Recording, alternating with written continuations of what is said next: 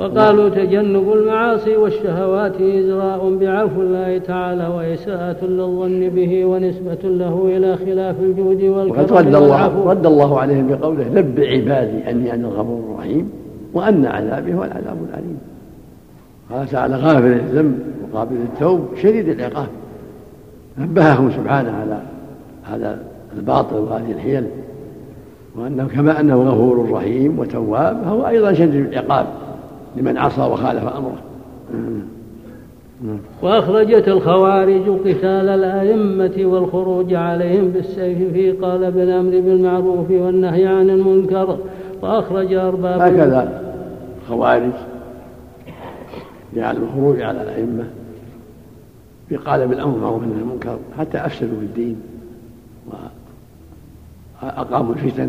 ولهذا قال النبي صلى الله عليه وسلم لئن أدركتهم لأقتلنهم قد العهد قال يحقر عنكم صلاتهم مع صلاتهم وقراءتهم مع قراءتهم.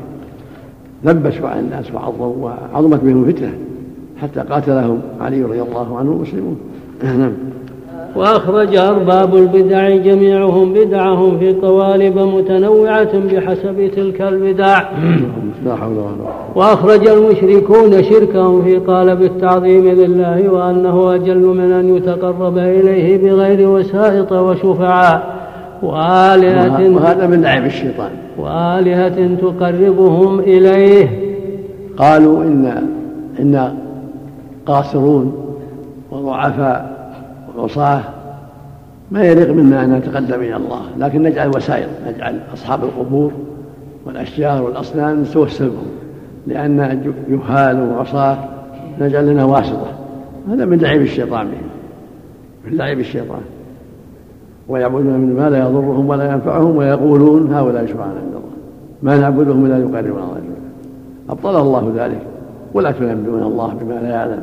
في السماوات سبحانه وتعالى عما يشركون قال إن الله لا يهدي من هو كاذب كفار. فأمرهم بالتوبة وحكم عليهم بالكفر.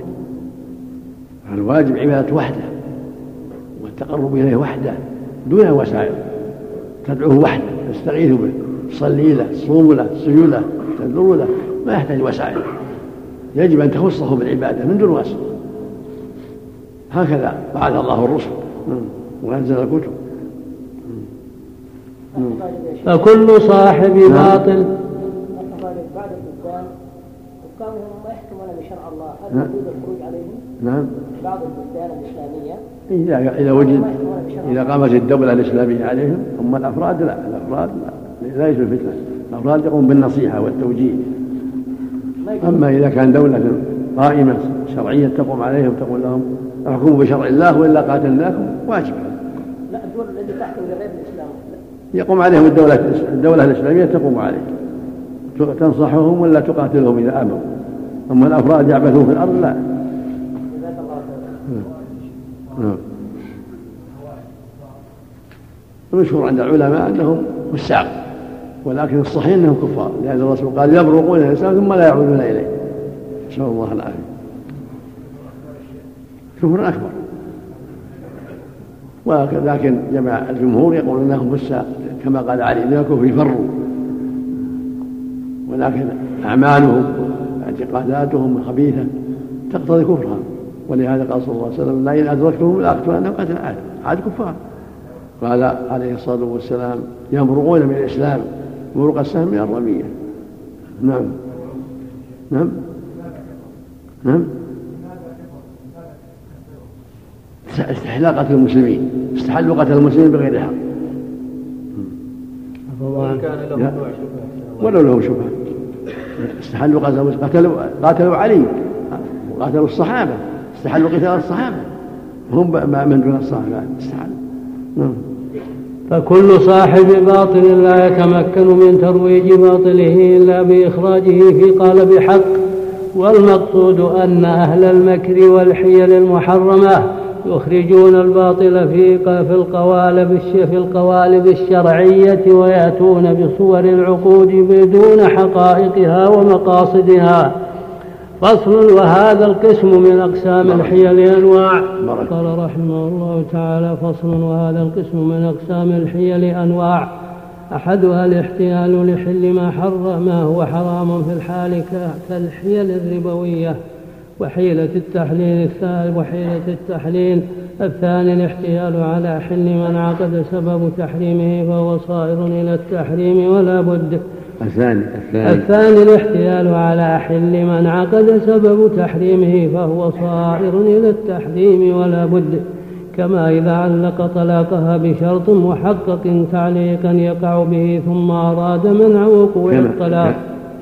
كما إذا علق طلاقها بشرط محقق تعليقا يقع به ثم أراد منع وقوع الطلاق عند الشرط فخالعها خلع الحيلة حتى بانت ثم تزوجها بعد ذلك. الثالث الاحتيال على إسقاط ما هو واجب في الحال كالاحتيال على إسقاط الإنفاق الواجب عليه. وأداء الدين الواجب بأن يملك ماله لزوجته أو ولده فيصير معسرا فلا يجب عليه الإنفاق والأداء. الثالث الثالث. الثالث الاحتيال على إسقاط ما هو واجب في الحال. نعم. كالاحتيال على إسقاط الإنفاق الواجب عليه وأداء الدين الواجب بأن يملك ماله لزوجته أو ولده. فيصير معسرا فلا يجب عليه الإنفاق والأداء وكمن يدخل عليه رمضان ولا يريد صومه فيسافر ولا غرض له سوى الفطر ونحو ذلك. الرابع الاحتيال على إسقاط من عقد سبب وجوبه ولم يجب لكنه صائر إلى الوجوب فيحتال حتى يمنع الوجوب. الرابع.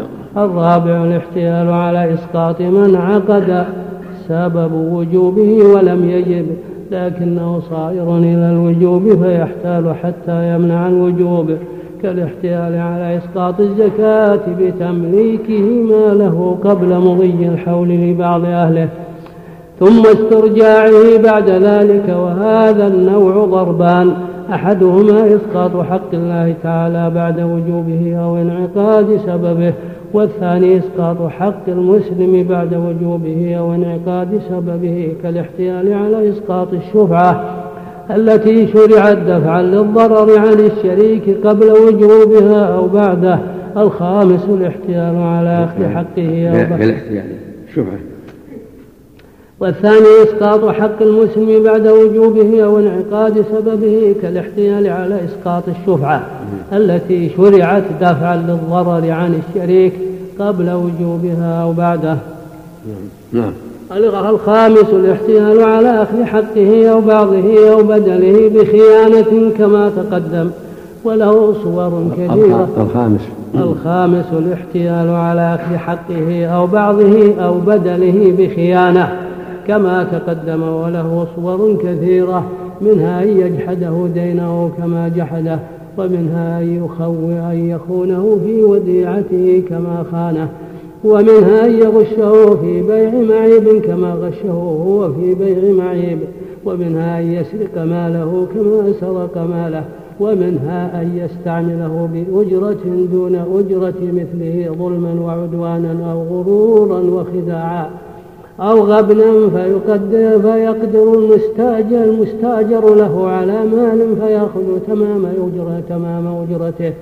وهذا النوع يستعمله كثير من أرباب الديوان ونظار الوقوف والعمال وجبات الفيء والخراج والجزية والصدقة وأمثالهم.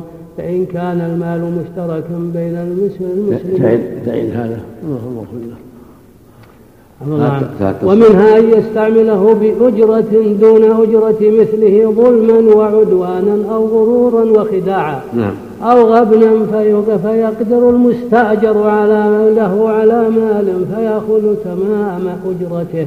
نعم. وهذا النوع يستعمله كثير من أرباب الديوان ونظار الوقوف والعمال وجبات الفيء والخراج والجزية والصدقة وأمثالهم.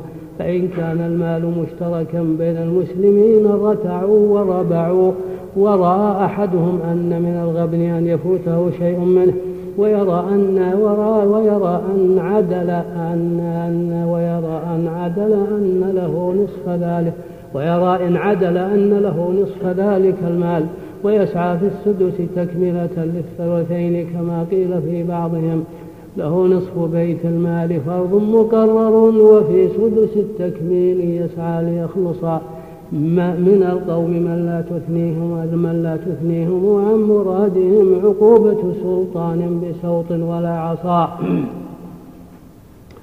فصل وقد عرف بما ذكرنا الفرق وقد عرف بما ذكرنا الفرق بين الحيل التي تخلص من الظلم والبغي والعدوان والحيل التي يحتال هذا تعيد هذا الأخير هذا مو واضح. الأخير الأخير الخامس قبل هذا التصرف ومنها أن يستعمله بأجرة دون أجرة مثله. نعم. ظلما وعدوانا أو غرورا وخداعا. أو غبنا فيقدر المستأجر. له على مال فيأخذ تمام أجرته. نعم. وهذا النوع يستعمله كثير من أرباب الديوان ونضال الوقوف والعمال. وجباة الفيء والخراج والجزية والصدقة وأمثالهم فإن كان المال مشتركا بين المسلمين ركعوا وربعوا فإن كان مشتركا مشتركا بين المسلمين رتعوا إيه. وربعوا. نعم. ورأى أحدهم أن من الغبن أن يفوته شيء منه ويرى إن عدل أن له نصف ذلك المال. ويسعى في السدس تكملة للثلثين. نسأل الله العافية نسأل الله العافية. لا حول ولا قوة ويسعى في السدس تكملة للثلثين كما قيل في بعضهم. له نصف بيت المال فرض مقرر وفي سدس التكميل يسعى ليخلصا من, من, من القوم من لا تثنهم عن مرادهم عقوبة سلطان بسوط ولا عصا. نسأل الله نعم. فصل وقد عرف بما ذكرنا الفرق بين الحيل التي نعم. تخلص من الظلم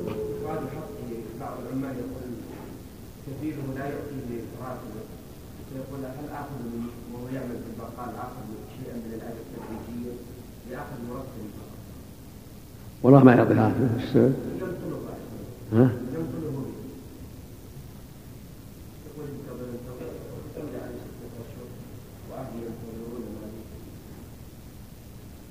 لا ظاهر النصوص إنه لا ياخذ يشكو يشكو ويشكو لأنه إذا فتح لها الباب قد يسر كثيرا. هذه خيانه هو مؤتمن على الشيء إذا كان مطلة يشكو حتى يعطى حقه. أما اللهم إلا في حالة ما فيها حيلة ما ما في من ينصفه ولا في من يحكم له هذا حالة الضرورة لا بأس بها.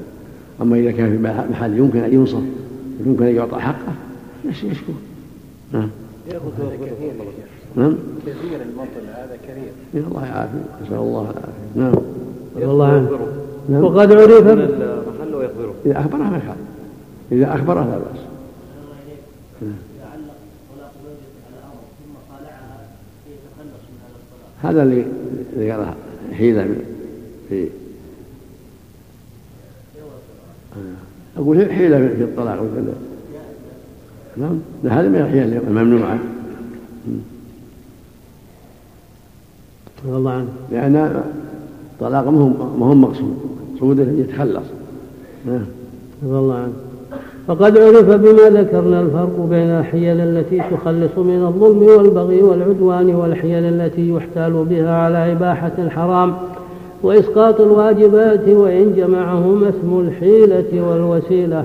وعرف بذلك أن العينة لا تخلص من الحرام وإنما يتوسل بها إليه وهو من, من ذلك لو قال إذا خرج خرج رمضان فأنت طالق ثم سل الدم فخالعها ما الحقيقة خالعها أنها تعطي كذا من المال قبل رمضان قبل دخول رمضان قبل خروج رمضان.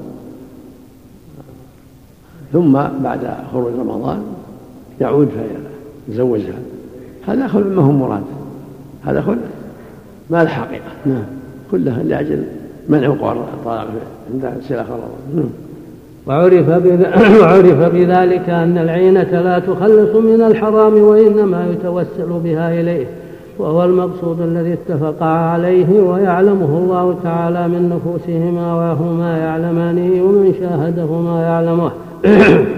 وكذلك تمليك ماله لولده عند قرب الحول فرارا من الزكاة لا يخلص من الإثم بل يغمسه فيه لأنه قصد وليقصد إلى إسقاط فرض قد انعقد سببه. ولكن عذر من جوز ذلك أنه لم يسقط الواجب وإنما أسقط الوجوب. وفرق بين الأمرين فإن له أن يمنع الوجوب وليس له أن يمنع الواجب. وهكذا القول في التحيل على إسقاط الشفعة قبل البيع فإنه يمنع الوجوب فإنه يمنع وجوب الاستحقاق ولا يمنع الحق الذي وجب بالبيع. فذلك لا يجوز وهو نظير منع الزكاة بعد وجوبها فذلك لا يجوز بحيلة ولا غيرها. وكذلك التحيل على منع وجوب الجمعة عليه بأن يسكن في مكان لا يبلغه النداء. أو لا يمكنه الذهاب منه إلى الجمعة والرجوع في يومه أو السفر أو السفر قبل دخول وقتها ولا يجوز له التحيل على تركها بعد وجوبها عليه. فكذلك التحيل على منع وجوب الجمعة عليه بأن يسكن في مكان لا يبلغه النداء أو لا يمكنه الذهاب منه إلى الجمعة والرجوع في يومه. أو السفر قبل دخول وقتها ولا يجوز له التحيل على تركها بعد وجوبها عليه. وكذلك التحيل على من وجوب الإنفاق على القريب بأن لا يكتسب مالا يجب فيه الإنفاق ولا يجوز له التحيل على إسقاط ما وجب من ذلك. فهذا سر الفرق الذي اعتمده أصحاب الحيل وأما المانعون فيجيبون عن ذلك. لأن هذا لو أجدى على المتحيلين لم يعاقب الله سبحانه وتعالى أصحاب الجنة الذين عزموا على صرامها ليلا لئلا يحضرهم المساكين.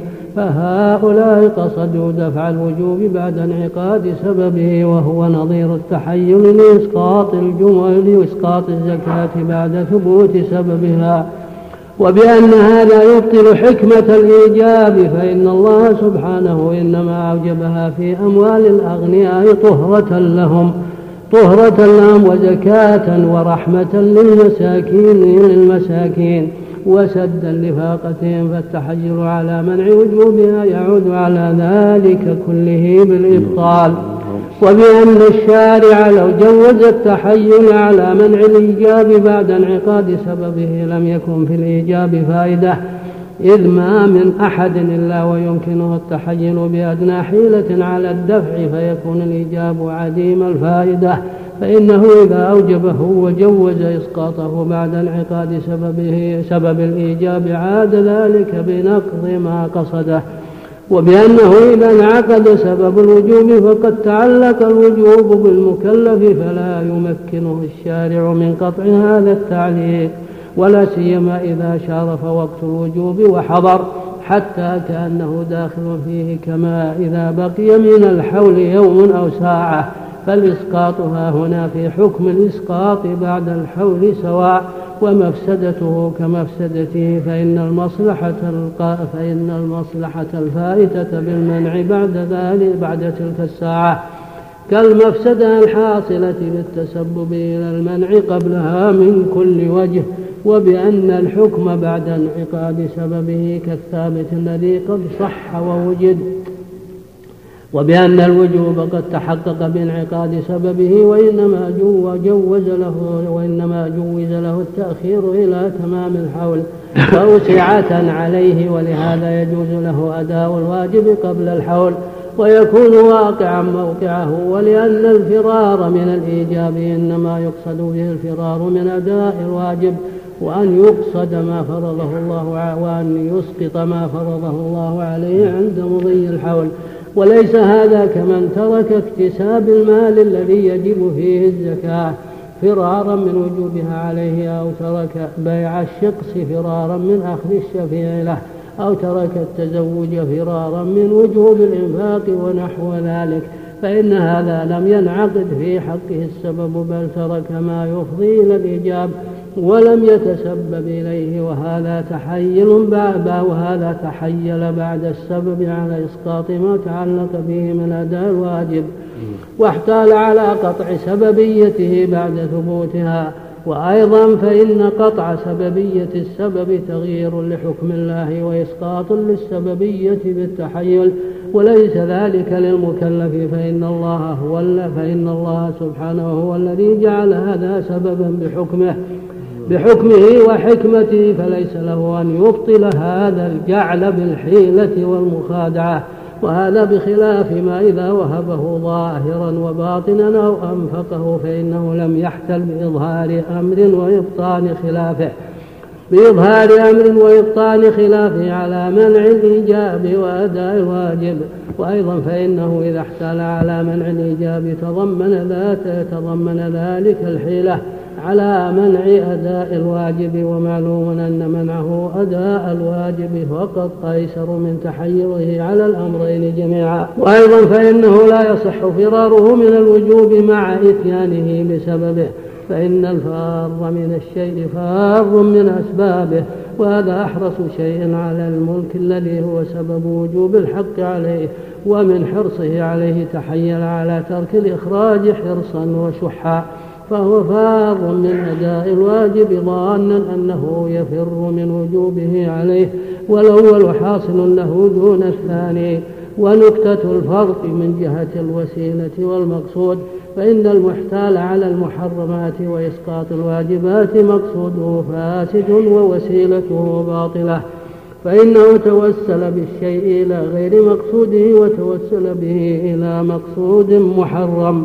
فإن الله سبحانه إنما جعل النكاح وسيلة إلى المودة والرحمة والمصاهرة والنسل وغض البصر وحفظ الفرج والتمتع والإيواء وغير ذلك من مقاصد النكاح والمحلل لم يتوسل به إلى شيء من ذلك بل إلى تحي تحليل ما إلى تحليل ما حرمه الله تعالى فإنه سبحانه حرمها على المطلق ثلاثا عقوبة له فتوسل هذا بنكاحها إلى تحليل ما حرمه الله تعالى له ولم يتوسل به إلى ما شرع إلى ما شرع له فكان القصد محرما والوسيلة باطلة. وكذلك شرع الله البيع وسيلة إلى انتفاع المشتري بالعين والبائع بالثمن. فتوسل به المرابي إلى محض الربا وأتى به لغير مقصوده فإنه لا غرض له في تملك تلك العين ولا الانتفاع بها وإنما غرضه الربا فتوسل إليه بالبيع. وكذلك شرع سبحانه الأخذ بالشفعة دفعا للضرر عن الشريك. فتوسل المبطل لها بإظهار الصرف الذي لا حقيقة له إلى إبطالها. فكانت وسيلته باطلة ومقصوده محرما وكذلك الزكاة فرضها رحمة منه بالمساكين وطهرة للأغنياء فتوسل المسقط لها إلى إبطال هذا المقصود بإظهار عقد لا حقيقة له من بيع أو هبة وكذلك القرض شرعه وشرعه الله سبحانه شرع الله سبحانه فيه العدل. وأن لا يزداد على مثل ما أقرض فإذا احتال المقرض على الزيادة فقد احتال على مقصود محرم بطريق باطلة. وكذلك بيع الثمر قبل بدو صلاحها باطل بما يفضي إليه من أكل المال بالباطل. فإذا احتال عليه بأن شرط القطع ثم تركه حتى يكمل.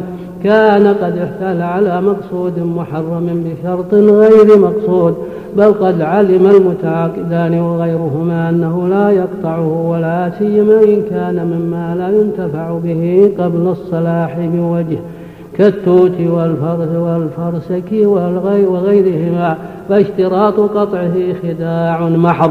وكذلك سائر الحيل التي تعود على مقصود الشارع وشرعه بالنقض والإبطال غايتها محرمة ووسائلها باطلة لا حقيقة لها وكذلك الفدية والخلع التي شرع الله ليخلص كل من الزوجين من الآخر عندك موقف ولا الفدية؟ قراءة الفدية. المقصود من هذا كله أن جميع الحيل التي يتوصل بها إلى إسقاط الواجبات أو ركوب المحرمات كلها باطلة.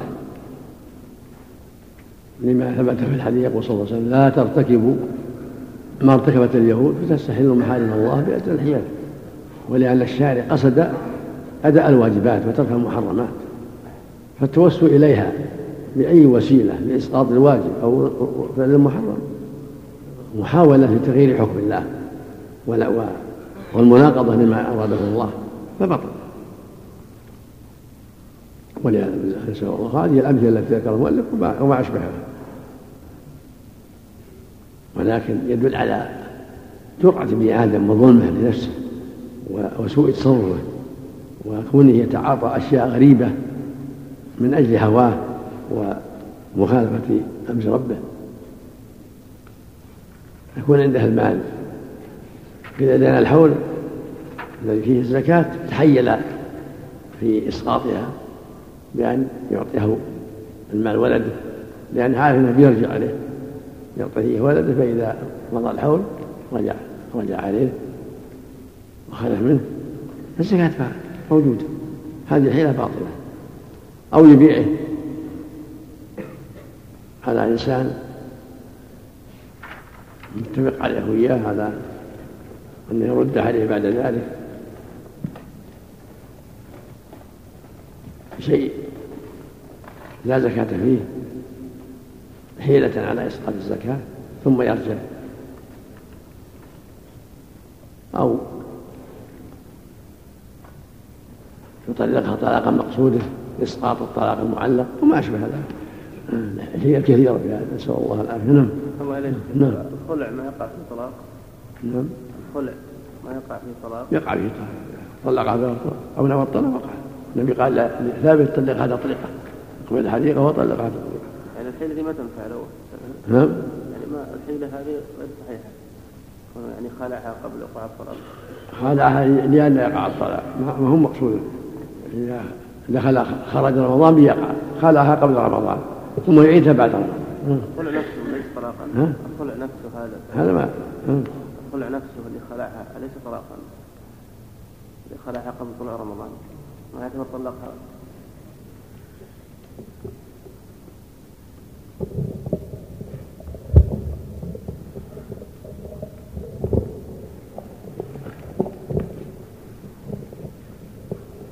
هو طلقها ليسلم من الطلاق المحرم. طلقها طلاق لا يحرمها. طلقة واحدة الأعمال أو خلعها. على القول الثاني بغير لفظ الطلاق حتى يقع الطلاق ليسلم من الطلاق المعلق. الطلاق المعلق لا لا يسلم منه بل يقع. وهذا الخلع لا وجوده كعدمه لأنه هو مقصود حيلة. باطل. نعم. على حسب ما. طلقه طلقة واحدة والزائد مكرر لا يقع لأنه تبين بالأولى. وإن كان بالثلاث الصحيح أنها إذا كان بلفظ واحد تعتبر واحدة. أما إذا خالعها بلفظ خالعتك فسختك عند جمع من أهل العلم يقول فسخ ما يكون في طلاق لأنه كالمعاوضة. والقول الثاني أنه طلاق مطلقة الحديث ثابت. وأن المرأة من الزوج لا تخرج من عصبته إلا بالطلاق. ما ما ما للزوج غير الطلاق شيء. الفسخ هذا ولي الأمر الحاكم. فالزوج ليس له إلا طلاق فإذا خالعها فهو طلقة والأقرب؟ الأظهر أنه طلقة مطلقة. لأن هذا اللي يملكه الزوج طلاق. ما يملك غير الزوج ما يملك ما يملك غير ذلك. نعم. قال رحمه الله تعالى وكذلك الفدية والخلع التي شرعها الله ليخلص كلا من الزوجين من الآخر. إذا وقع الشقاق بينهما فجعلوه حيلة للحنث في اليمين وبقاء النكاح وبقاء النكاح والله سبحانه. وكذلك الفدية والخلع التي شرعها الله ليخلص كلا من الزوجين من الآخر إذا وقع الشقاق. إذا وقع الشقاق بينهما فجعلوا حيلة للحنث في اليمين وبقاء النكاح والله سبحانه. إنما شرعه لقطع النكاح حيث يكون قطعه مصلحة لهما وبهذا يتبين لك الفرق بين الحيل التي يتوصل بها إلى تنفيذ أمر الله تعالى ورسوله وإقامة دينه والأمر بالمعروف والنهي عن المنكر ونصر المحق وكسر المبطل والحيل التي يتوصل بها إلى خلاف ذلك.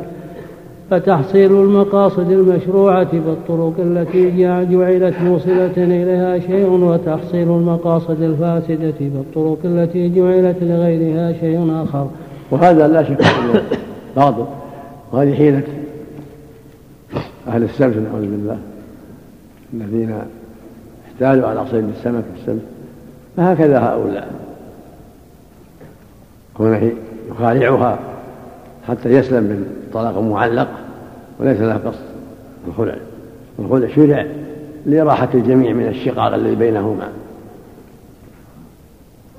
فإذا فعل الخلع لإسقاط شرط حصل من الزوج فهذه حيلة باطلة. لأن المقصود من الخلع ليس هو الفراق المقصود منه هو البقاء ضد المقصود من الخلع. وذلك مثل أن يقول إذا انسلخ رمضان فأنت طالق. قد تكون هذه آخر طلقة. ثم يندم فما الحيلة. السلام من الطلاق. يخالعها. يخالعها في رمضان. أنها تعطيه كذا. ألف ريال أو مائتين ريال أو كذا ويوافق على مخالعة حتى إذا انسلخ رمضان إليها أجنبية. إذا انسلخ رمضان إليها أجنبية يقع الطلاق ثم يعود إليها فيتزوجها. هذه حيلة باطلة وغير مقصود خلع غير مقصود. المقصود منه التحيل في بقائها وعدم وقوع الطلاق المعلق والحيل التي تحل ما حرم الله وتبطل ما أوجب الله باطلة. نسأل الله العافية. نعم. نعم.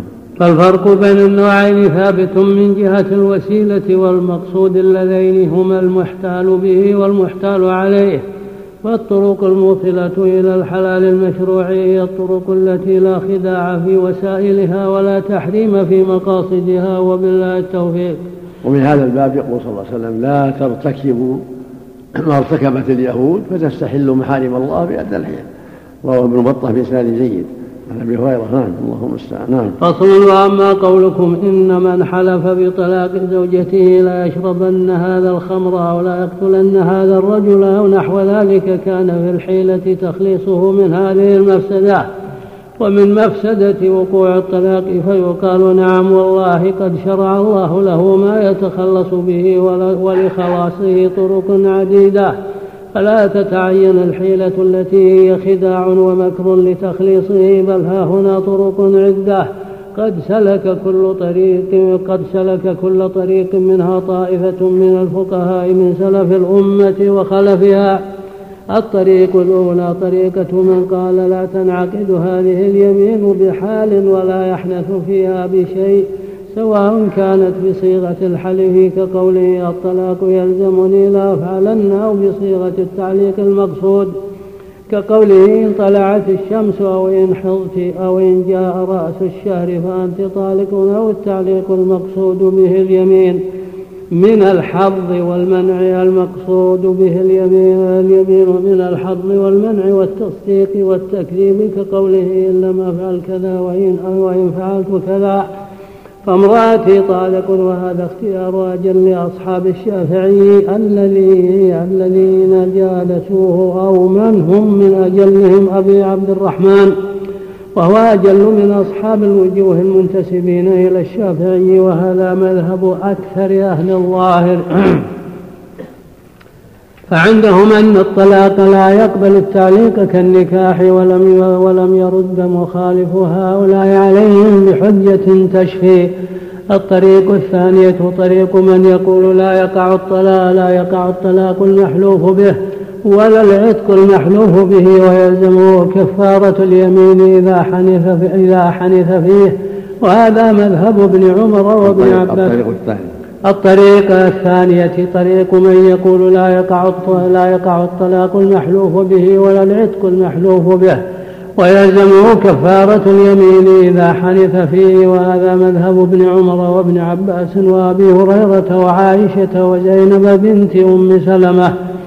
وحفصة في الحلف بالعتق الذي هو قربة إلى الله تعالى بل من أحب القرب إلى الله ويسري في في ملك في ملك الغير فما يقول هؤلاء في الحلف بالطلاق الذي هو أبغض الحلال إلى الله وأحب الأشياء إلى الشيطان والسائل لهؤلاء الصحابة إنما كان امرأة حلفت بأن كل مملوك لها حر إن لم تفرق بين عبده. والسائل لهؤلاء الصحابة إنما كان امرأة حلفت بأن كل مملوك لها حر إن لم تفرق بين عبدها وبين امرأته فقالوا لها كفري عن يمينك وخلي بين الرجل وبين امرأته. وهؤلاء الصحابة أفقهوا في دين الله وأعلم من أن يفتوا بالكفارة بالحلف بالعتق ويرونه يمينا. ولا يرون الحلف بالطلاق يمينا ويلزمون الحانث بوقوعه فإنه لا يجد فقيه شم رائحة العلم بين البابين والتعليقين فرقا. فإنه لا يجد فقيه شم رائحة العلم بين البابين والتعليقين فرقا بوجه من الوجوه. وإنما لم يأخذ به أحمد لأنه لم يصح عنده إلا من طريق سليمان التيمي واعتقد أنه تفرد به. وقد تابعه عليه محمد بن عبد الله الأنصاري وأشعث الحمراني ولهذا لما ثبت عند أبي ثور قال به وظن الإجماع في الحلف بالطلاق. ولهذا لما ثبت عند أبي ثور قال به وظن الإجماع في الحلف بالطلاق على لزومه فلم يقل به. وظن. وظن الإجماع في الحلف بالطلاق على لزومه فلم يقل به. الطريق الثالثة طريق من يقول ليس الحلف بالطلاق شيئا وهذا صحيح. وهذا الجواب الثاني هو, هو الأصح إذا علق الطلاق والعتق على أمر يقصد منه الحث والمنع والتصديق والتكذيب يكون في كفارة يمين إن القصة التي استفتت الصحابة. قالت ممالكها أحرار إن لم تفرق بين فلان وزوجته بين مملوك لها وزوجته. فأفتاها جماعة من الصحابة بأن عليها كفارة يمين ولا تفرق بين المملوك وزوجته. وإذا كان هذا في العتق فالطلاق من باب أولى فإذا قال إن لم أضرب فلانا فعبدي حر.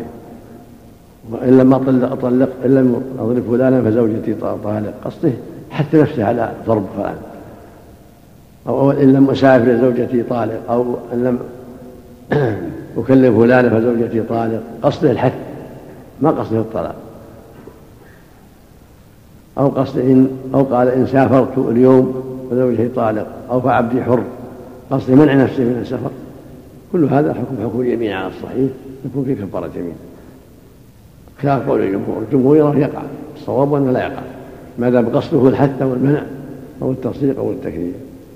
وهذا مثل ما قال المؤلف فيه فرج عظيم ولهذا أفتى الصحابة به هذه المرأة التي حلفت أن تفرق بين مملوكها وزوجته. لأن المقصود من الطلاق الفرقة والراحة من الزوجة وهذا ما قصد ذلك. إنما قصد منع نفسه من شيء أو حث نفسه على شيء. والله يقول جل وعلا والرسول يقول إنما الأعمال بالنيات. وهذا ليس لا نية له وإنما أراد منع نفسه من كذا أو حتى نفسه على كذا. نعم. الطريق الثالثة طريق من يقول ليس الحلف بالطلاق شيئا وهذا صحيح عن طاووس وعكرمة. أما طاووس فقال عبد الرزاق أخبرنا معمر عن ابن جريج عن ابن طاووس عن أبيه أنه كان لا يرى الحلف بالطلاق شيئا.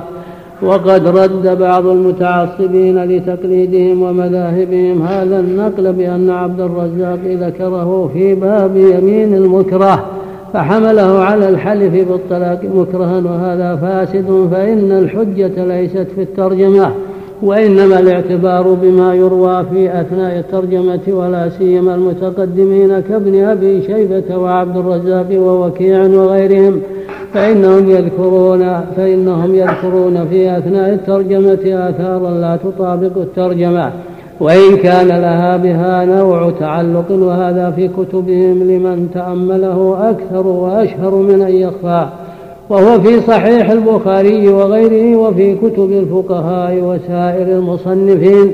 ثم لو فهم عبد الرزاق هذا وأنه في يمين المكره لم تكن الحجة في فهمه بل الأخذ بروايته. وأي فائدة في تخصيص الحلف بالطلاق بذلك؟ بل كل مكره حلف بأي يمين كانت فيمينه ليست بشيء. وأما عكرمة فقال سنيد بن أبي بن سنيد بن داود بن داود في تفسيره حدثنا عباد بن عباد المهلبي عن عاصم الأحول عن عن عكرمة في رجل قال لغلامه إن لم أجلدك مئة سوط فامرأتي طالق قال لا يجلد غلامه ولا يطلق امرأته هذا من خطوات الشيطان. فإذا ضممت هذا الأثر إلى أثر ابن طاووس عن أبيه إلى أثر ابن عباس في من قالت لمملوكها إن لم أفرق بينك وبين امرأتك فكل مملوك لي حر إلى الآثار المستفيضة عن ابن عباس في الحلف بتحريم الزوجة أنها يمين يكفرها. تبين لك ما كان عليه ابن عباس وأصحابه في هذا الباب فإذا ضممت ذلك إلى آثار الصحابة في الحلف بالتعليقات كالحج والصوم والصدقة والهدي والمشي إلى مكة حافيا ونحو ذلك أنها أيمان مكفرة تبين لك حقيقة ما كان عليه الصحابة في ذلك. فإذا ضممت ذلك إلى القياس الصحيح الذي يستوي فيه الحاف الذي يستوي فيه حكم الأصل والفرع تبين لك توافق القياس وهذه الآثار. فإذا ارتفعت درجة أخرى ووزنت ذلك بالنصوص من القرآن والسنة تبين لك الراجح من المرجوح. ومع هذا كله فلا يدان لك بمقاومة السلطان ومن يقول حكمت وثبت عندي فالله المستعان. وهذا هو اختيار ابن عباس بن تيمية رحمه الله شيخ الإسلام وهو اختيار المؤلف ابن القيم رحمه الله وجماعة من السلف خلف وهو اعتبار المقاصد في التعليقات. فإن الشيطان له نزغات. وقد يقع بين الرجل وزوجته وبين الرجل ومماليكه. فيقول إن لم أضربك كذا إن لم أسفرك إن لم كذا. زوجتي طالق عبيدي أحرار فعلي كذا وكذا. وهكذا يقع الناس اليوم كثيرا. إن لم أضرب فلان أو إن لم أكلم فلان فعلي صوم شهر فعلي صوم سنة. إن لم أفعل كذا قصد الحث والمنع كل هذه حكم اليمين كفارة يمين ولا يلزم. بخلاف التعليق المحض. التعليق المحض له حال. إذا كان تعليق المحض ما فيه قصد. مثل إذا دخل رمضان فعبدي حر دخل رمضان فزوجتي طالق. هذا لا يقع أو إذا دخل رمضان فعلي لله كذا وكذا. أو إذا رزقني الله مولودا ذكرا فلله علي أن أحج أو أن أصوم كذا وكذا أو أن أصوم هذا في القربات في القربة تلزم لقوله صلى الله عليه وسلم من لا يطيع الله فليطيعه. نعم. صلى الله عليه. الطريق الرابعة الطريق من يفرق بين أن يحلف على فعل امرأته أو على فعل نفسه أو على غير الزوجة فيقول إن قال لامرأته إن خرجت من الدار أو كلمت رجلا أو فعلت كذا فأنت طالق فلا يقع عليه الطلاق بفعل ذلك بفعلها ذلك. وإن حلف على فعل نفسه أو غير امرأته وحنث لزمه الطلاق وهذا قول أفقه أصحاب مالك على الإطلاق وهو أشهب بن عبد العزيز ومحله من الفقه والعلم غير خاف ومأخذ هذا أن المرأة إذا فعلت ذلك لتطلق نفسها لم يقع به الطلاق معاقبة لها بنقيض قصدها وهذا جار على أصول مالك وأحمد ومن وافقهما في معاقبة الفارد من التوريث والزكاة وقاتل مورثه. والموصي له ومن دبره بنقي ومن دبره بنقيض قصده وهذا هو الفقه لا سيما وهو لم يرد طلاقها إنما أراد حظها ومنعها وأن لا تتعرض لما يؤذيه فكيف يكون فعلها سببا لأعظم أذاه وهو لم يملكها ذلك بالتوكيل والخيار ولا ملكها الله إياه بالفسق فكيف تكون الفرقة إليها إن شاءت أقامت معه وإن شاءت فارقته بمجرد حظها ومنعها؟ وأي شيء أحسن من هذا الفقه وأطرد على قواعد الشريعة؟ الطريق وهذا يقول يجي يقول أشهد صاحب مالك راعى المعنى وإن كان كان التعليق على فعلها لم يقع لأن الطلاق ليس بيدها. فإذا غير خرجت فأنت طالق أو كلمت فلان فأنت طالق لا لم يفعل لم تقع لم يقع. لأن الطلاق ليس بيدها. فإذا فعلت أرادها أن تطلق نفسها فلا يقع وتمنع. بخلاف ما إذا قال إن خرجت أنا فأنت طالق أو إن سافرت فأنت طالق لأن الطلاق بيده. هذا قول مثل ما قال المؤلف له قوته من حيث الأصول. ولكن الأول الذي يفتى به الصحابة أولى وهو إذا كان قصد منع والحد فهذا يكون حكمه اليمين. أما إذا كان قصد إيقاع الشرط وليس الحد فهذا يقع.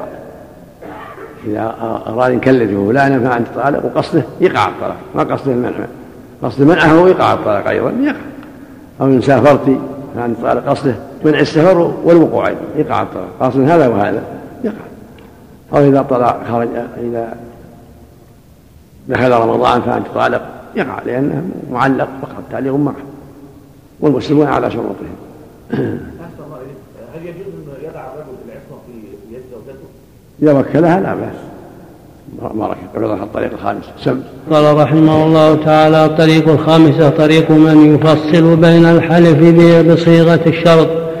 بصيغة الشرط والجزاء والحلف بصيغة الالتزام فالأول كقوله إن فعلت كذا أو إن لم أفعله فأنت طالق والثاني كقوله الطلاق يلزمني أو لي لازم أو علي الطلاق إن فعلت أو إن لم أفعل. فلا يلزمه الطلاق في هذا القسم إذا حنث دون الأول وهذا أحد الوجوه الثلاثة لأصحاب الشافعي وهو المنقول عن أبي حنيفة. وهو المنقول عن أبي حنيفة وقدماء أصحابه ذكره صاحب الذخيرة وأبو الليث في فتاويه. قال أبو الليث ولو قال طلاقك علي جاء علي واجب أو لازم أو فرض أو ثابت فمن فمن المتأخرين من أصحابنا من قال يقع واحدة رجعية نواه أو لم ينوي ومنهم من قال لا يقع وإن نوى والفارق العرف. قال صاحب الذخيرة وعلى هذا الخلاف إذا قال إن فعلت كذا فطلاقك فطلاقك علي واجب وقال لازم ففعلت.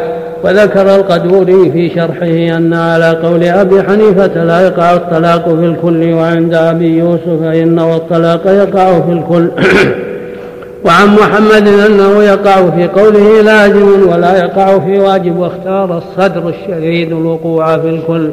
وكان وكان ظهير الدين المرغين المرغنيناني يفتي بعدم الوقوع في الكل هذا كله لفظ صاحب الذخيرة. وأما الشافعية وقال ابن يونس في شرح التنبيه وإن قال الطلاق والعتاق لازم لي ونواه لزمه لأنهما يقعان بالكناية مع النية وهذا اللفظ محتمل. فجعل فجعل, فجعل, فجعل كناية وقال الروياني الطلاق لازم لي صريح وعد ذلك في صرائح الطلاق. ولعل وجهه غلبة استعماله لإرادة الطلاق. وقال القفال في فتاويه ليس بصريح ولكن حتى لا يقع به الطلاق وإن نواه لأن الطلاق لا بد فيه من الإضافة إلى المرأة ولم يتحقق هذا لفظه. وحكى شيخنا هذا القول عن بعض أصحاب أحمد فقد صار الخلاف في هذا الباب في المذاهب الأربعة بنقل أصحابها في كتبهم. ولهذا ولهذا التفريق ما أخذ ما أخذ آخر أحسن من هذا الذي ذكره الشارح وهو أن الطلاق لا يصح التزامه وإنما يلزم التطليق فإن الطلاق هو الواقع بالمراه. وهو اللازم لها وإنما الذي يلتزمه الرجل هو التطليق فالطلاق لازم لها إذا وقع. إذا تبين هذا فالتزام التطليق لا يوجب وقوع الطلاق. إذا, إذا, إذا تبين هذا فالتزام التطليق لا يوجب وقوع الطلاق. فإنه لو قال إن فعلت كذا فعلي أن أطلقك أو أو فلله علي أن أطلقك أو فتطليقك لازم لي. أو واجب علي وحنث لم يقع عليه الطلاق فهكذا إذا قال إن فعلت كذا فالطلاق يلزمني لأنه إنما التزم التطليق ولا يقع بالتزامه. والموقعون والموقعون يقولونه وقد التزم حكم الطلاق وهو خروج الوضع من ملكه وإنما يلتزمه وإنما يلزمه حكمه. إذا وقع فصار هذا الالتزام مستلزما مستلزما لوقوعه.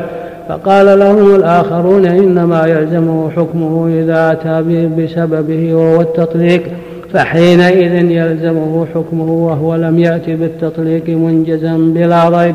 وإنما أتى به معلقا والتزام التطليق بالتنجيز لا يلزم. فكيف يلزم بالتعليق؟ والمنصف المتبصر لا يخفى عليه الصحيح وبالله التوفيق. هذه مسائل مهمة.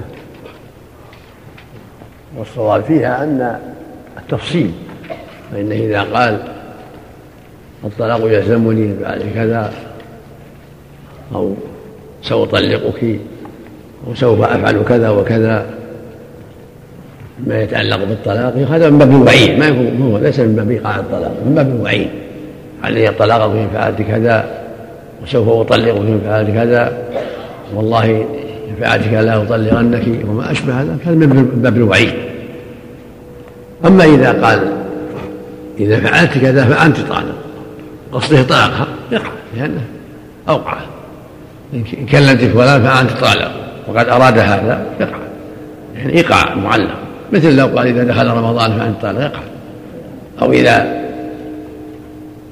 دخل شوال فأنت طالق وقع أما إذا كان بالوعيد والتحذير وليس قصد إيقاع الطلاق. إن كلمت فلان فأنت قصد تحذيرها وليس قصده الطلاق. أو إن فعلت كذا مما يغضبه فأنت طالق قصد تحذيرها هذا له حكم اليمين. كفارة اليمين كما اختار شيخ الإسلام ابن تيمية وابن القيم وغيرهم رحمة الله عليهم. فرق بين الطلاق المعلق الذي ليس فيه حث ولا منع هذا يقع. والطلاق الذي فيه حث ومنع هذا حكم حكم اليمين. أما الوعيد سوف أطلق سوف أطلقك أو سوف أطلقك هذا ما في الوعيد. إذا فعلت كذا سوف أطلقك سوف أفعل كذا سوف أخرجك من بيتي سوف هذا من باب الوعيد. نعم نعم. إذا علق على الشرط هل له أن يرجع؟ نعم. إذا علق الطلاق على شرط وأراد أن يرجع. على نيته إذا قال كالذي فلان وقصده بغير إذني فله شرط. أما أو قصده المنع فله نيته. أما إذا قال إن كالذي فلان قصد إيقاع الطلاق الأعمال بالنيات. ها؟ إذا كان ما نوى لا ما ما يلغيه إلا إذا كان إلا بإذني أراد بإذني إن كلمت فلان عن طالق غيري إلا بإذني أراد بإذني أو إن ذهبت إلى أهلك فأنت طالق وأراد إلا بإذني فهو على نية. إذا أراد أن يلغيه يسمح له بالضبط يقول على الشرط هذا هو إذا كان معلقة بإذنه كان ناوي إلا بإذني له يلغيه وقد قد أذنت لك. أما إذا كان ما ما نوى التعليق بإذنه بل أراد إيقاع الطلاق إن ذهبت ما له يلقيه وجه لزم. ما يرضى. إلا إذا كان نوى أنها إن ذهبت بغير إذن. أو كلمت بغير إذن. فصل وممن ذكر الفرق بين الطلاق وبين الحلف بالطلاق القاضي أبو الوليد هشام بن عبد الله بن هشام الأزدي القرطبي في كتابه مفيد الحكام. فيما يعرض لهم من من نوازل الأحكام. فقال في كتاب الطلاق من ديوانه وقد ذكر اختلاف أصحاب مالك في الأيمان اللازمة. ثم قال ولا ينبغي أن تتلقى هذه المسألة هكذا تلقيا تقليديا إلا أن يشمها إلا أن يشم إلا أن يشمها نور الفهم. إيش؟ ثم قال ولا ينبغي أن تتلقى هذه المسألة هذا التلا هذا هكذا تلقيا تقليديا إلا أن يشمها نور إلا أن يشمها نور الفهم ويوضحها لسان البرهان. وأنا أشير إلى أشير لك إلى نكتة تسعد تسعد بالغرر فيها إن شاء الله تعالى منها الفرق بين الطلاق إيقاعا وبين اليمين بالطلاق. وفي المدونة كتابان موضوعان أحدهما لنفس الطلاق والثاني للأيمان بالطلاق ووراء هذا الفن فقه على الجملة. وذلك أن الطلاق صورته في الشرع حل وإراد على عقد واليمين بالطلاق عقد فليفهم هذا وإذا كان عقدا لم يحصل منه حل. إلا أن تنقله من موضوع من موضع من موضع العقد إلى موضع الحل نية ليخرج بهذا بها بها اللفظ أما من حقيقته إلى كنايته. فقد نجمت هذه المسألة في أيام الحجاج بعد أن استقل الشرع بأصوله وفروعه وحقائقه ومجازاته في أيمان البيعة وليس في أيمان الطلاق إلا ما أذكر إلا ما أذكره لك وذلك أن الطلاق على ضربين صريح وكناية. فالصريح كل لفظ استقل بنفسه في إثبات حكمه تحديدا والكناية على ضربين. كناية غالبة وكناية غير غالبة فالغالبة كل ما أشعر به كل ما أشعر بثبوت الطلاق في موضع اللغة في موضع اللغة أو الشرع كقوله الحق بأهلك واعتدي وغير الغالبة كل ما لا يشعر بثبوت الطلاق في وضع اللغة والشرع. كقوله ناوين الثوب وقال أردت بذلك الطلاق فإذا عرضنا لفظ الأيمان على صريح الطلاق لم تكن من قسمه. وإن عرضناها على الكناية لم تكن من قسيمها إلا بقرينة من شاهد حال أو عرف أو نية تقارن اللفظ فإن اضطرب شاهد الحال أو جار العرف باحتمال يحتمله. فقد تعذر الوقوف على النية ولا ينبغي لحاكم ولا لغيره أن يمد القلم في فتوى حتى يتأمل مثل هذه المعاني. فإن الحكم إن لم يقع مستوضحا عن مستوضحا عن نور فكري. فإن فإن الحكم؟ فإن الحكم فإن الحكم إن لم يقع مستوضحا عن نور فكري مشعر بالمعنى المربوط اضمحل ثم قال وأنا ذاكر لك ما بلغني في هذه اليمين من كلام العلماء ورأيته من أقوال الفقهاء. وهي يمين محدثة لم تقع في الصدر الأول ثم ذكر اختلاف أهل العلم في الحلف بالأيمان اللازمة والمقصود أنه ذكر الفرق الفطري العقلي الشرعي بين إيقاع الطلاق والحلف بالطلاق وأنهما بابان مفترقان بحقائقهما ومقاصدهما وألفاظهما فيجب افتراقهما حكما. أما افتراقهما بالحقيقة فما ذكره من أن الطلاق حل وفسخ واليمين عقد والتزام فهما إذا حقيقتان مختلفتان. قال تعالى ولكن يؤاخذكم بما عقدتم الأيمان.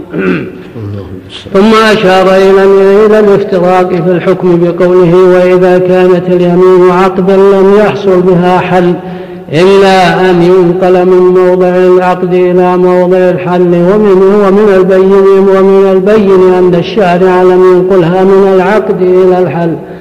فيجب إبقاؤها على ما على ما وضعت عليه. نعم لو قصد الحالف بها إيقاع الطلاق عند الحمد فقد استعملها في العقد والحل فتصير كناية في الوقوع وقد نواه فيقع به الطلاق لأن هذا العقد صالح للكناية.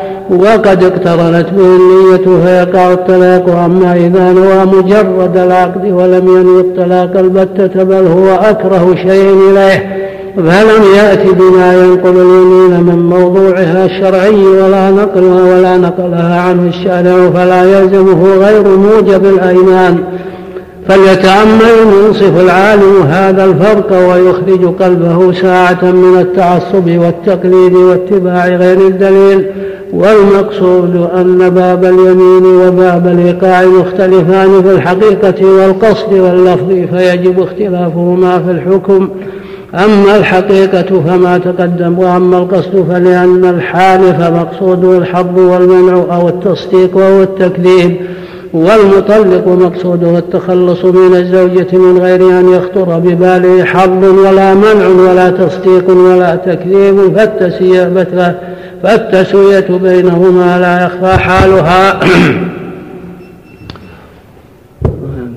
لا يخفى حالها وأما اختلافهما لفظا فإن لفظ اليمين لا بد فيها من التزام من التزام قسمي يأتي فيه بجواب القسم. أو تعليق شرطي يقصد فيه انتفاء الشرط والجزاء أو وقوع الجزاء على تقدير وقوع الشرط وإن كان يكرهه ويقصد انتفاءه فالمقدم في الصورة الأولى مؤخر في الثانية والمنفي في الأولى ثابت في الثانية ولفظ الإيقاع لا يتضمن شيئا من ذلك ومن تصور هذا حق التصور جزم بالحق في هذه المسألة والله الموفق. الطريق الطريقة السادسة. مرة. والمقصود أن باب الطلاق باب عظيم باب خطير. يجب على المفتي أن يتحرى ويثبت ويعرف كلام أهل العلم في هذا الباب لأنه حل قيد النكاح والتفريق بين الزوجين. هو أمر عظيم. لا بد من التبصر التثبت وأن لا يوقع الطلاق إلا على بصيرة. وإذا درس أحوال الناس في ذلك تأمل مقاصدهم وما ذكر أهل العلم وأصلح الله نيته ووفقه للصواب.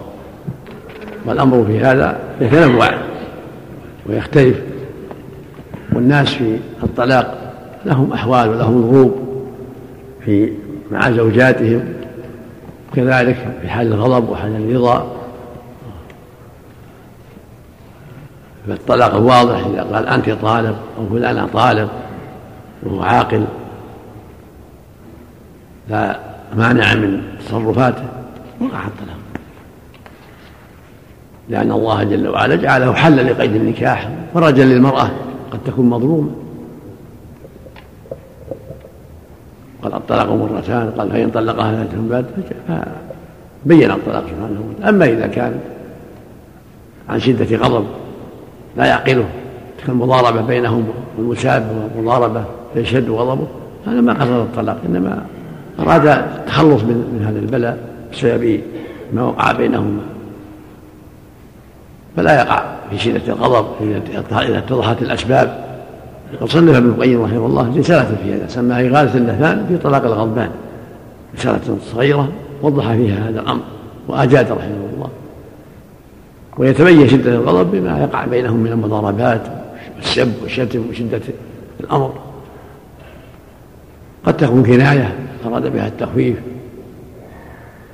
أنت في ذمتي ما أنت زوجتي قصده من هذا أن أنت بتطيعيني ما أنت ما قصده الطلاق. فلا, فلا يقع الطلاق. أو كلمت فلان فأنت طالق ذهبت إلى بيت آل فلان فأنت طالق ما قصد الطلاق قصد تخويفها وتحذيرها. هذا حكم حكم اليمين. لأنه ما قصد إيقاع الطلاق إنما قصد وهو أعلم بنيته إنما قصد التخويف والتحذير. أما المعلق ما فيه تحذير ولا تخويف. تعليق مجرد؟ هذا يقع. كان يقول إذا دخل رمضان في الطالق هذا ما فيه. تخويف ولا تحذير. هذا شرط مجرد. أو قال كلمت فلان وقصده الطلاق. فأنت طالق وقع الطلاق. لأن قصده التعليق. المقصود من هذه الأمور مهمة لها شأنها. سمة نعم. على حسب نيته كان قصدي إيقاع الطلاق أو قصدي أعيدها سوف أطلق يلزمني أن أطلقك. هذا يحتمل يعني فسوف أطلقك إن رحتي معناه فسوف أطلقك هذا من باب الوعيد. ما يلزمه من باب الوعيد. وإن ذهبت إلى فلان طلقتك. إن كلمت فلان طلقتك. هذا وعيد. مو ليس بإيقاع. هذا من باب الوعيد. نعم. قد يؤدي الواجب وقد لا يؤدي الواجب نعم. والله الكتاب اللي ذكرته مستل من إغاثة الأحفان أو مستقل؟ لا مستقل.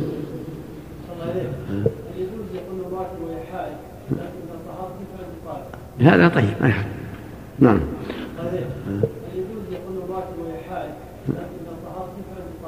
هذا طيب ما يحل نعم. أحسن الله إليكم. طاهر شرعي. لا طهر نعم. ترك الألفاظ هذه ما هو أولى وش فيه؟ ترك الألفاظ يعني بعض الناس تتخذها حتى من طريق مزاح لا لا ما يصلح المزح ما يصلح ثلاث جدهن جد وهزلهن جد ما يصلح المزح فيها. نعم. كان قصد منعها كفرت يمين وإن قصد إيقاع الطلاق يقع.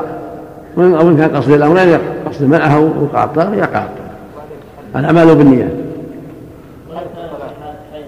نعم هذا لا معلق هذا معلق. ما ما ما ما له تعلق بحيض بخلاف إذا قال أن طلق وهي حائض أو نفساء عند بعض أهل العلم لا يقع. والجمهور يقع عندهم. المعلق حسب الشرط حسب النية. أو شرط مجرد إذا دخل رمضان إذا طهرتي فأنت طالق يقع لأن هذا ما ما دخل في الحدث والمعنى له الرجوع يا شيخ.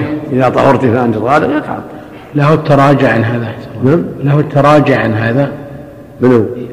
هذا الرجل الذي شرط. له أن يرجع. ما له التراجع لا. لزم الشرط. قال إذا دخل رمضان طالق ما له التراجع أو طهرت فأنت ما لزم ولا يرجع إلى قصده بنية في ذلك؟ ما في ما في نية ما في نية. هذا شرط مجرد إذا طهرت فأنت انتهى الأمر. أو إذا دخل رمضان بخلاف إذا قال كلمت يقول هذا اللي يحتمل أن قصده وعيدها وتحذيرها فله نية إذا صلى أحسن الله إليك. معلق غير محتمل أحسن الله إذا دخل رمضان. هذا مو محتمل إلا إلا الإيقاع. ما له حمل إلا الإيقاع. نعم. الصحيح انه لا يقع إذا اعترف به الزوجان إذا كان يعلم انها حائض أو نفساء لا يقع هذا الصحيح. وعليه التوبة لأنه ما يجوز يأثم والجمهور يرى انه يقع. والصحيح إنه لا يقع لحديث ابن عمر. النبي صلى الله عليه وسلم أنكر عليه وغضب لما اخبره أن قال أمسكها ثم فإذا طهرت فطلقها إن شئت. لكن بارك الله فيك. إذا تزوجها إذا تزوجها بعد بعد أن طلقها وهي حائض رجل آخر يفرق بينهما؟ هذا الجمهور عليه إذا أفتي بهذا أو أو احتسبه طلاق مضى. الجمهور على أنه يقع. يقع. يقع الطلاق. لأن حين الطلاق ما ما عنده خبر ما يكون عاصم ما عليه ما عليه نعم. الطريقة السادسة أن يزول المعنى الذي كانت الأمين اليمين لأجله فإذا فعل المحلوف عليه بعد ذلك لم يحنث لأن امتناعه باليمين إنما كان لعلة فيزول بزوالها وهذا مضطرد على أصول الشرع وقواعد مذهب أحمد وغيره. ثم يعتبر النية والقصد في اليمين تعميما وتخصيصا وإطلاقا وتقييدا فإذا حلف لا أكلم لا أكلم فلانة. وكان سبب اليمين الذي هيجها كونها أجنبية يخاف الوقوع في عرضه بكلامها فتزوجها لم يحنث بكلامها إعمالا لسبب اليمين. إعمالا لسبب اليمين وما هيجها في التقييد بكونها أجنبية. هذا إذا لم يكن له نية ما دامت كذلك. أما إذا كانت له نية فلا إشكال في التقييد في تقييد اليمين بها. وهذا واضح. لقوله الأعمال بالنيات فإذا علمت النية أو الأسباب تعلق الحكم بها. فإذا قال والله لا أكلم فلان والمقصود من أجل بدعته لأن نظر البدعة ثم تاب إذا كلمه لا بأس زادت العلة. أو قال والله لا أكلم فلانة لأنها أجنبية ويخشى أن يتهم ثم تزوجها. زالت العلة تزوج كلمة لأنها زالت العلة التي من أجلها حلف. أو قال والله لا أكلف فلان ناوي ما دام في المحل الفلاني. ثم ذهب عنه.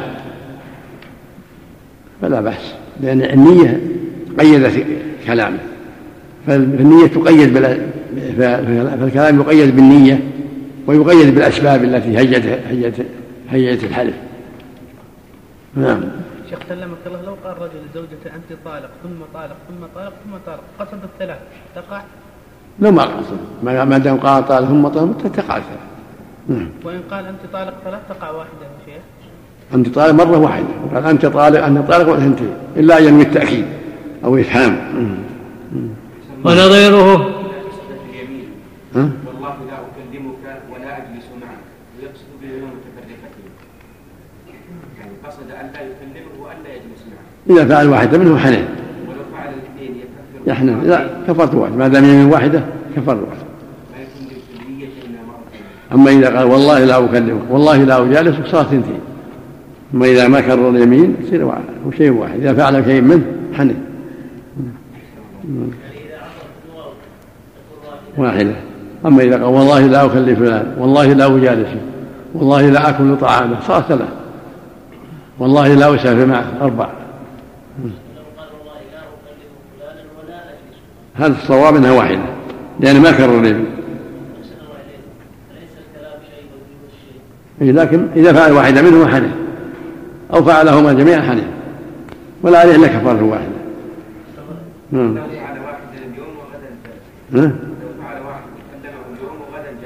حنث بواحد منهما. لو ما فعلهما. واحد ما يكفي. نعم. في تفصيل. نعم. ونظيره أن يحلف لا يكلم فلانا ولا يعاشره لكونه صبيا وصار رجلا.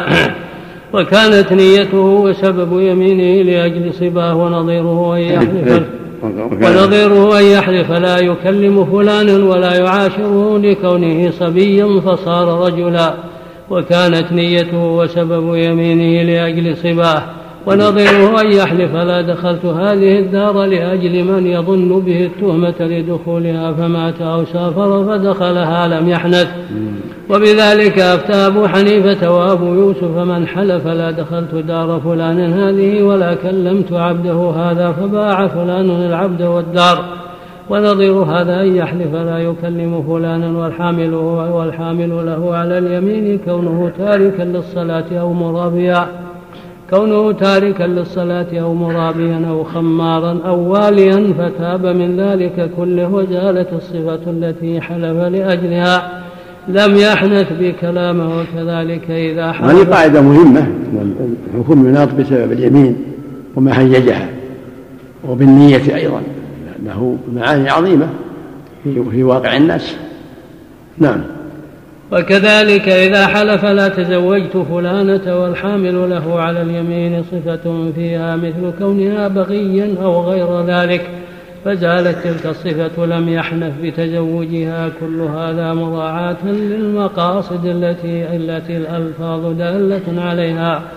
فإذا ظهر القصد كان هو المعتبر ولهذا لو حلف ليقضينه حقه في غد وقصده أو السبب ألا يجاوزه فقضاه قبله لم يحنث. ولو حلف لا لأنه فعل خير.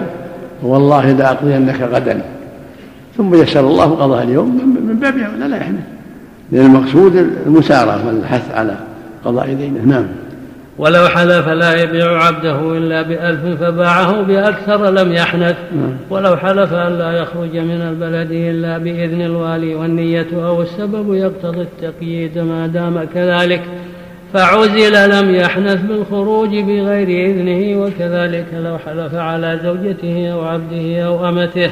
ألا تخرج إلا بإذنه فطلق وأعتق أو باع لم يحنث بخروجهم بغير إذنه لأن اقتضاء السبب والقصد تقييد فيه تقيد في غاية الظهور ونظائر ذلك كثيرة جدا.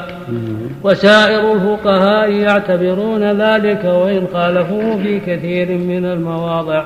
وهذا هو الصواب لأن الألفاظ إنما اعتبرت لدلالتها على المقاصد فإذا ظهر القصد كان الاعتبار له. وتقييد اللفظ به ولهذا لو دعي إلى غداء فحلف لا يتغدى تقيدت يمينه بذلك الغداء وحده. لأن النية والسبب ومناط اليمين لا يقتضي غيره. وقد أخبر وقد وقد وأخبر النبي صلى الله عليه وسلم أن الأعمال بالنيات وأن ما لكل امرئ ما نوى وما لم ينوه بيمينه أو كان السبب لا يقتضيه. لا يجوز أن يلزم به مع القطع بأنه لم يرده ولا خطر على باله. وقد أفتى غير واحد من الفقهاء منهم ابن عقيل وشيخنا وغيرهما. في من قيل له إن امرأتك قد خرجت من بيتك أو قد زنت بفلان فقال هي طالق.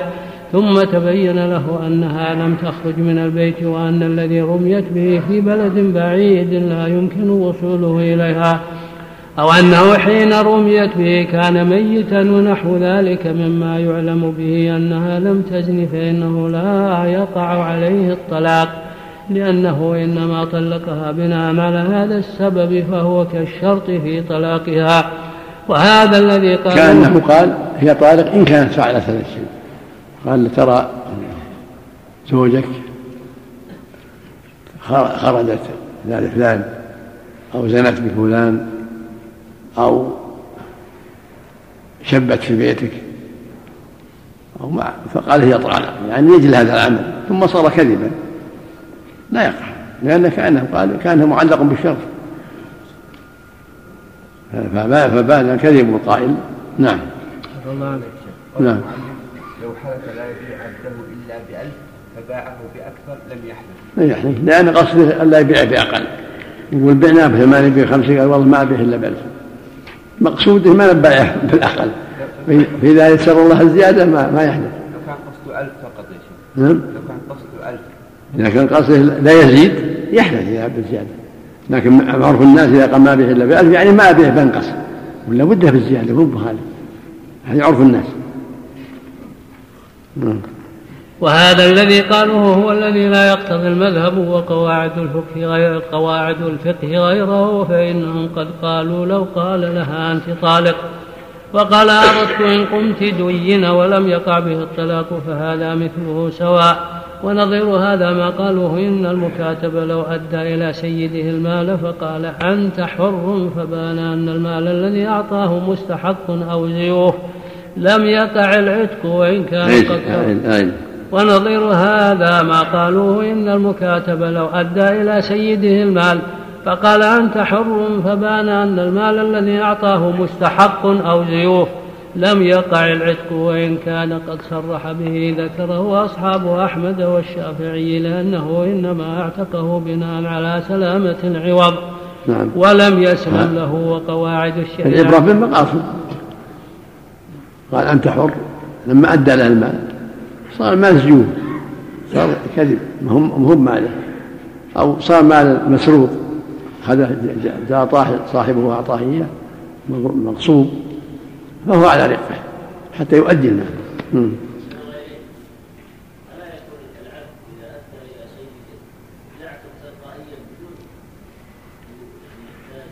أما إذا إذا أدى عتق. لكن لو صرح قال أنت حر زيادة ما يعتق. إذا كان إذا كان خدعه جاب له سيس في دراهم يحسب إنها دراهم لها حصى. أو أو قروش خدعه وقال ما أنت حر. جزاك الله خير اديت ما عليه. يوم فتحت الكيس لا قروش ولا حصى ولا لبن ولا تمر. نعم هذا خدعة. يبقى في الرق. ما, ما لها مبنية على الأصل على الأساس نعم. وقواعد الشريعة كلها مبنية على أن الحكم إذا ثبت لعلة يزول بزوالها. هذه القاعدة الشرعية الأحكام تدور مع عليها نعم. وأمثلة ذلك أكثر من أن تحصر فهذه الطريقة تخلص من كثير من الحنث وإذا تأملت هذه الطرق لرأيت أيتها سلكت أحسن من الطرق اللحية. من طرق الحيل التي يتحيلون بها على عدم الحنث وهي أنواع. أحدها التسريح طبعا لا يقال إن هذا الذي طلق امرأته لما بلغه فيها ما بلغ إنه استعجل وكان يقال نعم.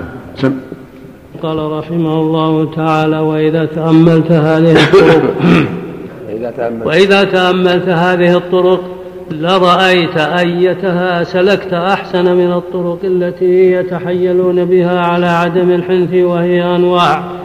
أحدها التسريج الثاني خلع اليمين الثالث أحدها التسريج. تسريج. تسريج. إيه. وش التسريج؟ مسألة ابن سريج إيه يعني يعني نعم يمكن. نعم. نعم, نعم. أحسن الله نعم. إليك. نعم. الثاني خلع اليمين الثالث التحيل لفساد النكاح إما بكون الولي كان قد فعل ما يفسق به أو الشهود كانوا جلوسا على مقعد حرير. ونحو ذلك فيكون النكاح باطلا فلا يقع فيه الطلاق. الرابع الاحتيال على فعل المحلوف عليه بتغيير اسمه أو صفته أو نقله من ملك إلى ملك. ونحو ذلك فإذا غلبوا عن شيء من هذه الحيل الأربعة فزعوا إلى التيس المستعار فاستأجروه ليسفد ويأخذ على سفاده أجرا. فليوازن من يعلم أنه موقوف بين يدي الله تعالى ومسؤول بين هذه الطرق. الله المستعان. والطرق التي قبلها والله وليقم لله ناظرا ومناظرا متجردا من العصبية والحمية. فإنه لا يكاد يخفى عليه الصواب والله ولي التوفيق. والمقصود من هذا رحمه الله التحذير من الحيل الباطلة وأن الواجب على أهل العلم بيان الحق للناس وتحذيرهم من محارم الله والتحيي على معاصي الله. ومن نصر الله وصبر وثبت أعانه الله ويسر أمره. والناس لهم أهواء ولهم حيل ولهم مقاصد سيئة لضعف الإيمان أو عدم الإيمان. فالواجب على أهل العلم بيان الحق التوجيه إليه والتحذير من الباطل هذه وظيفتهم وهذا واجبهم. نعم اللهم المستعان نعم. الله عنك فصل وأما قوله تعالى لأيوب عليه السلام وخذ بيدك ضغثا فاضرب به ولا تحنث. فمن العجب أن يحتج بهذه الآية من يقول إنه لو حلف ليضربنه عشرة اسواط فجمعها وضربه وضربه بها ضربة واحدة لم يبر لم يبر في يمينه. هذا قول أصحاب أبي حنيفة ومالك. وأما قوله تعالى لأيوب عليه السلام وخذ بيدك ضغثا فاضرب به ولا تحنث فمن العجب أن يحتج بهذه الآية من يقول إنه لو حلف ليضربنه عشرة أسواط فجمعها وضربه وبها ضربة واحدة لم يبر في يمينه. هذا قول أصحاب أصحاب حنيفة ومالك وأصحاب أحمد. وقال الشافعي إن علم أنها مسته كلها بر في يمينه وإن علم أنها لم تمسه لم يبر. وإن شك لم يحنث ولو كان هذا موجبا لبر الحالف لسقط عن الزاني والقاذف والشارب تعدد الضرب. بأن يجمع له مئة شوط أو ثمانين ويضرب بها ضربة واحدة. وهذا إنما يجي أنما يجزي في حق المريض كما قال الإمام أحمد في المريض عليه الحد يضرب بعثكال يسقط عنه الحد. واحتج بما رواه عن أبي أمامة بن سهل عن سعيد بن سعد بن عبادة قال كان بين بين أبياتنا رويجل ضعيف مخدج فلم يرع الحي إلا وهو على أمة من إمائهم يعبث يخبث, يخبث بها. قال فذكر ذلك سعد بن عبادة لرسول الله صلى الله عليه وسلم وكان ذلك الرجل مسلما. فقال اضربوه حده فقالوا يا رسول الله إنه أضعف مما تحسب لو ضربناه مئة قتلناه. فقال خذوا له عثكالا فيه مائة شمراخ ثم اضربوه به ضربة واحدة ففعلوا. وأما قصة أيوب فلها فقه دقيق فإن امرأته كانت لشدة حرصها على عافيته وخلاصه من دائه. تلتمس له الدواء بما تقدر عليه. فلما لقيها الشيطان وقال ما قال أخبرت أيوب عليه السلام بذلك. فقال إنه الشيطان ثم حلف لئن شفاه الله تعالى ليضربنها مائة سوط فكانت معذورة محسنة في شأنه ولم يكن في شرعهم كفارة فإنه لو كان في شرعهم كفارة لعدل إلى التكفير ولم يحتج إلى ضربها فكانت اليمين موجبة عندهم كالحدود وقد ثبت أن المحدود إذا كان معذورا خفف عنه بأن يجمع له مئة شمراخ أو مئة سوط فيضرب بها ضربة واحدة. وامرأة أيوب كانت معذورة لم تعلم أن الذي خاطبها الشيطان وإنما قصدت الإحسان فلم تكن تستحق العقوبة. فأفتى الله نبيه أيوب عليه السلام أن يعاملها معاملة المعذور هذا مع رفقها به وإحسانها إليه. فجمع الله له بين البر في يمينه والرفق بامرأته المحسنة المعذورة التي لا تستحق العقوبة. فظهر موافقة نص القرآن في قصة أيوب عليه السلام لنص السنة في شأن الضعيف الذي زنى فلا يتعدى بها عن محلها. فإن قيل فقوا فقولوا هذا في نظير ذلك ممن حلف ليضربن امرأته أو أمته مئة وكانا معذورين. لا ذنب لهما أنه يبر بجمع ذلك في ضربة بمئة في ضربة بمئة شمراخ قيل قد جعل الله له مخرجا بالكفارة ويجب عليه أن يكفر على عن يمينه ولا يعصي الله بالبر في يمينه هنا. ولا يحل له أن يبر فيها بل بره فيها هو حنثه مع الكفارة. ولا يحل له أن يضربها لا مفرقا ولا مجموعا. فإن قيل فإذا كان الضرب واجبا كالحد هل ثم هذا ثم هذا في شرع من قبلنا وليس شرعا لنا. شرعنا إقامة الحدود وكفارة اليمين. فرج للعباد. الله تعالى فرجها سبحانه وتعالى.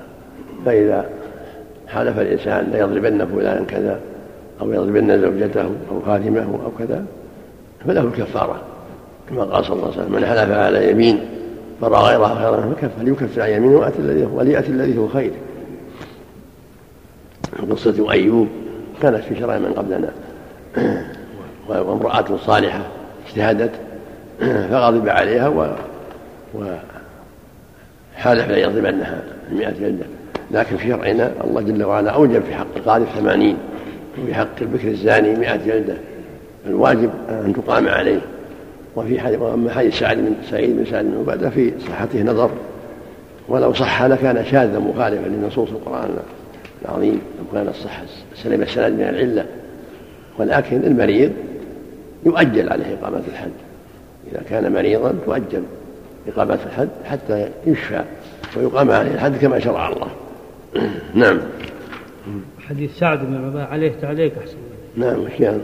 يقول رواه أحمد وابن ماجه ورواه أبو داود ولفظه عنده عن أبي أمامة عن رجل من الأنصار أنه اشتكى رجل منهم أضنى فعاد فعاد جلدة على عاد جلدا على عظم فدخلت عليه جارية لبعضهم فهش لها فوقع عليها فلما دخل عليه رجال به يعودونه أخبرهم بذلك.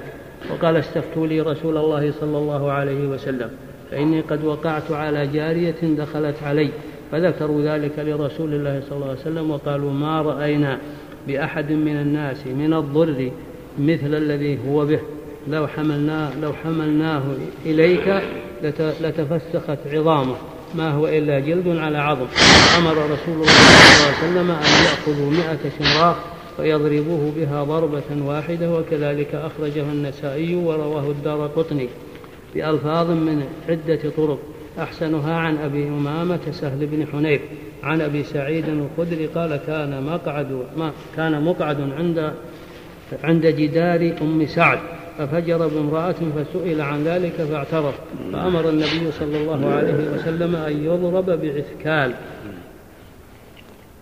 النخل. وقوله رويجل تصغير رجل. هذا من أحاديث البلوغ محل نظر. في صحة نظر ولو فرض الصحة فهو شاذ مخالف لنصوص القرآن العظيم. نص القرآن على مئة جلدة. والقاعدة ما خالف نص القرآن أو الحديث الصحيحة يكون شاذا غير معتبر. وبعضهم قال هذا يكون باب الاستثناء باب الخصوصية لأنه لا يتحمل.